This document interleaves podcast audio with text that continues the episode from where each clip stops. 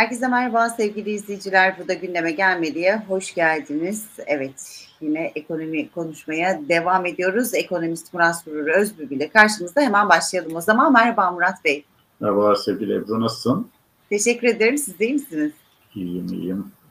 Sıcaklarda pişiyoruz. Evet. Biz iyiyiz ama ekonomik olarak çok iyi değiliz. Bizim e, sıcakladığımız kadar ekonomide oldukça sıcak. Her geçen gün biraz o, daha O ekonominin dibi bile tuttu. Değil mi?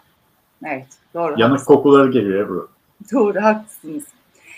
Peki e, yine konuşulacak çok fazla şey var. Yarın da Amerika'daki enflasyon rakamları açıklanacak. İşte Eylül'de e, Fed'in 100 bas puanından bahsediliyor. E, sadece vatandaşlar için bankalar değil e, bankalar için de e, artık döviz bulmakta zorlu bir döneme girildiğinin sinyalleri var. Bunların hepsini konuşacağız ama ben öncelikle JP Morgan stratejisinin e, yaptığı açıklama üzerinden e, sormak istiyorum size. E, risk dağılımını kaydırıyoruz diyor JP Morgan. Yatırımcıların parayı emtiaya yönlendirmelerinin zamanının geldiğini düşünüyoruz diyor. E, siz ne diyeceksiniz?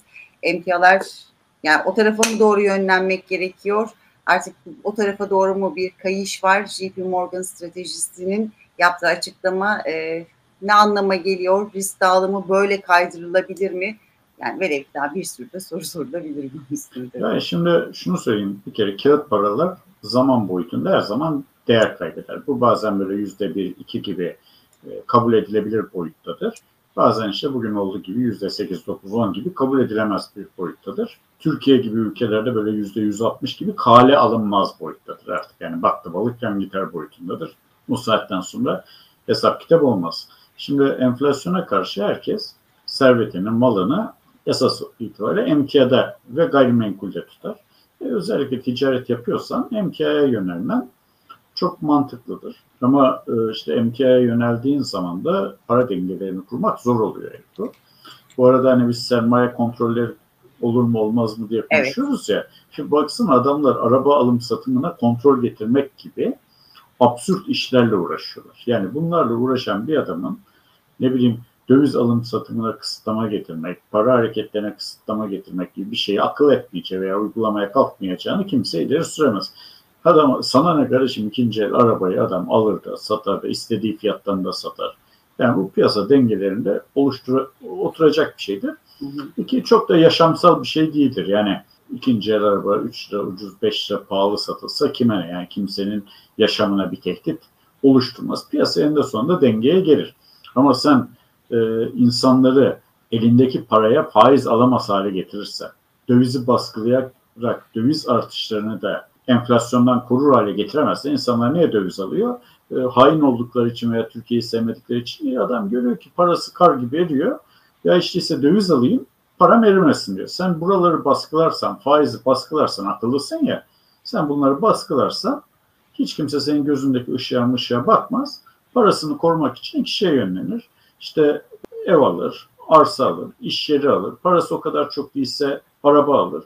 Ticaret yapıyorsa demir alır, çimento alır, ahşap alır. Stoğa girer. Yapacağı başka bir şey yok. Ne yapacak yani? Ben yemedim sen ye diye oturup parasını eritmesini mi iktidarın seyredecek? Değil. E, o zaman da bakıyorsun hem konut fiyatları hem e, ikinci el otomobil fiyatları yükseliyor. Şimdi e, dünyanın hiçbir yerinde otomobil yatırım değildir hep. Otomobil bir ulaşım aracıdır. Evet, Ve üzerine plakayı taktığın andan itibaren değer kaybeder. O kadar basit. İkinci ele düşer. Ama Türkiye'de ikinci el bile değer kazanıyor. Niye? Türk lirası o kadar vahim eriyor ki, o kadar vahim bir şekilde değer kaybediyor ki insanlar paralarını koruyabilmek için paradan kaçıyorlar. Yani eline Türk lirası geçen dakika kaybetmek istemiyor. O paradan kurtulmak istiyor. Ne yapacak? Parayı faize yatırsa bir şey kazanmıyor enflasyon karşısında. Dövizi baskıladıkları için dövizde de bir şey kazanmıyor. Yani enflasyon, gerçek enflasyon yüzde yüz altmış, yüzde iki yüz, yüzde üç yüz. E kurlar bir yerde işte patlayana yüzde, kadar evet dövizden bir yerde patlayana kadar dövizden de para kazanmıyor. Parasını bile koruyamıyor. E ne yapıyor? İhtiyaçlarını alıyor veya ticaretini yaptığı şeyler alıyor ya da gayrimenkule atıyor. Ya sen sağ ben selamet aklımda kalacağına tapumda kalsın diyor. Rahat etmeye çalışıyor. Çünkü bir insanı rahatsız eden şey birikimlerin erimesini görmek. Zaten elinde olmayan birikimler yani diyelim ki maaşların, emekli maaşın vesaire gelecek paraların alacakların eriyor. O bile insanı çok sinir eden bir şey. Yani bugün aldığın maaş bir ay sonra biraz daha erimiş olacak. iki ay sonra daha da erimiş olacak. Bu yüzden millet ne yapıyor Ebru mesela? Gidiyor kredi çekiyor. Krediyle maaşını, gelecekte alacağı maaşını bugün alıyor. O parayı da korumak için ne yapıyor? Gidiyor döviz alıyor, araba alıyor, arsa alıyor vesaire alıyor. Bunlar iktidarın kendini uyanık sanıp uyguladığı enflasyonist politikalara karşı halkın, vatandaşların geliştirdiği savunma önlemleri. Bunda kızacak bir şey de yok. Sen paranın değerini sabit tutacak işler yapmadığın müddetçe enflasyonist politikalar uygulamak ya devam ettiği müddetçe vatandaş bu tedbirleri almaya devam edecek. Üstelik orada 3-5 tane kendini akıllı zanneden bürokrat, siyasi falan tedbir alıyor. Dışarıda milyonlarca onlardan daha akıllı, üstelik eli taşın altında insan önlem alıyor. Hiçbir şekilde bu orantılı bir güç değil. Yani baş edemez. O yüzden enflasyonist politikalar çok tehlikelidir hep. Peki şunu da sormak istiyorum tabii emtia dedik e, biraz da altını sormak istiyorum altında da yükselme devam ediyor yani hazır böyle emtialara yönlendirme zamanı geldi yatırımlarımızı deyince biraz da altını sormak isterim. E aslında altın da bir çeşit emtia yani kıymetli emtia yani altın artık para olarak kullanılmıyor emtia olarak kullanılıyor altın beklenmiş başka kıymetli madenler işte endüstride yoğun kullanılan petrol gibi Ondan sonra bakır gibi, alüminyum gibi, çelik gibi şeyler, emtialar. Bunların hepsi emtia. Ve temel emtialar. E, e, riski dağıtmak için bunlara yatırım yapmakta da fayda var tabii. Evet. Peki, e, bankacılık demiştik. E, Ağustos-Aralık döneminde hazine bankacılık ve banka dışı sektörlerin 22-23 milyon dolar seviyesinde milyar. E, milyar özür dilerim. Artık milyon milyar o kadar karıştı ki söylerken. Milyon Ebru karıştırmamak için eskiden öyle denir. Milyar de yeni bir tabir duydu. Peki. tabii söylerken çok kolay söyleniyor. Aradaki farkı düşününce tabii yani. Ee, dış borç ittifası bulunuyor. E, itfası bulunuyor. Bankacılık sektöründe yenileme oranı da %90'larda seyrederken e, tüm borcun yeniden çevrilmesi de 5-6 milyar dolarlık e, ek maliyet yaratabilir. Ancak yenilenmemesi de e, döviz girişinde sıkıntıya neden olabilir deniliyor. Yani bunu nasıl anlatmak gerekiyor? Bankalar bile döviz bulmakta zorluk mu çekecekler sonbahardan e, tabii, sonra? E, tabii, böyle yani bir şey son, mi var? Sonbaharda çok büyük e, dış borç ödemeleri var.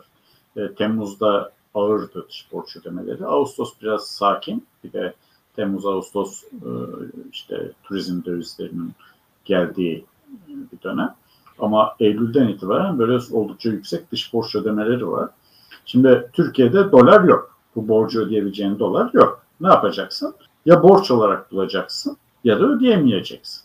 Şimdi borç olarak bulmaya kalktığın zaman karşına CDS primi çıkıyor böyle 800-900 rakamlarda. E zaten o primi gören Ebru borç vermiyor. Borç verene sigorta ettiriyor. O zaman %11-12 gibi son derece yüksek faiz faiz seviyedeki faizleri ödemen gerekiyor. E, bankalar döviz nereden bulacak? Dönecek piyasadan almaya kalktığı zaman öyle bir döviz yok. Döviz fiyatları yükselecek. Ödemeseler başka dert, ödeseler başka dert. Yani bankacılık sektörü de daha doğrusu dış borcu olan, döviz borcu olan e, herkes önümüzdeki sonbaharda çok zorlanacak. Yani sonbaharda yeni bir döviz şoku olmaması mucize olur. Evet, bu önemliydi. Peki e, yarın Amerika'da enflasyon rakamları açıklanacak. E, onun sonrasında da tabii açıklanacak bu rakamlarla da Eylül'de artık 100 bas puan konuşulmaya başlandı. 50 ile başlamıştık sonra 75'e çıktı. Şimdi de 100 konuşuluyor. E, biraz da o tarafa bakacak olursak yarın ne bekliyorsunuz? Amerika'da enflasyon rakamları nasıl çıkar? E, enflasyonda bekledikleri hızda bir düşme olmayacak Ebru. Çünkü e, enflasyonu başlatmak kolay, durdurmak zordur. Kontrol altına almak çok zordur. O yüzden e, bekledikleri başarıyı elde edemeyecekler. Üstelik de son e, faiz toplantılarında biraz ellerinin titrediği anlaşıldı resesyon korkusuyla.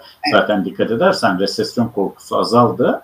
Resesyon korkusu azalınca emtia fiyatları falan da yükselmeye başladı. Şimdi bu zaaf piyasa hissettiyse vay haline o zaman enflasyon da, enflasyon beklentileri de yükselecek.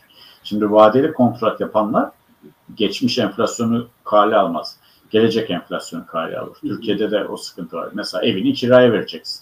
Geçtiğimiz sene %100 enflasyon olması senin e, evini kiraya verirken önümüzdeki senede %100 enflasyon olacağına inanmanı gerektirmiyor. Evet. Diyorsun ki geçtiğimiz sene bunlar %100 enflasyon yarattılar. E, gelecekteki sene belki %150, belki %200, belki %300 enflasyon yaratacak. Ben ne yapayım? Ben verebileceğim kadar pahalıya vereyim ki alacağım kira düşmesin. Veya satacağım vadeli mala mümkün olduğu kadar çok faiz katayım ki alacağım erimesin. E, beklenen enflasyon olan enflasyondan da önemlidir. Benim bildiğim herkes biliyor. Bunlar temel iktisat kaideleri. Enflasyonla mücadele zor, zahmetli, acılı bir süreçtir. E, Kasım ayında ara seçimler var. Önümüzdeki yıl Amerika'da seçimler var. E, kitlelerin canını acıtacak anti-enflasyonist politikalar uygulamak kolay olmayacaktır vesaire vesaire. Bunların hepsini alt alta yazdığımızda e, kitlelerin Amerika'da da enflasyon beklentilerinde ciddi bir iyileşme olmayabilir. Bu verilere de yansıyabilir. Yani fiyatlar niye artıyor kardeşim dediğin zaman fiyatların artmasının önemli bir sebebi de gelecekteki dönemin beklentileri. Evet. evet. O yüzden ben de merakla bekliyorum. Hem e, yarın açıklanacak tüfe fiyatlarını hem e, perşembe açıklanacak tüfe değişimlerini merakla bekliyorum. Bunlar önemli gösterge olacak. Ha, buna rağmen FED e, faizlere ne sertlikle müdahale edecek onu da göreceğiz. Burada da bütün mesele tabii resesyon. Evet. Diyelim noktayı koyalım o zaman. Çok teşekkür ediyorum. Hem size hem de izleyen izleyicilerimize. Bu arada e, her gün aramıza yeni izleyicilerimiz de katılıyor. Onlara da hoş geldin diyelim. Ailemiz ne güzel. Her geçen gün biraz daha büyüyor. Evet, bol bol yorum bekliyoruz. Ben elimden geldiği kadar yorumlara cevap vermeye çalışıyorum. Görüşmek üzere. Görüşmek üzere.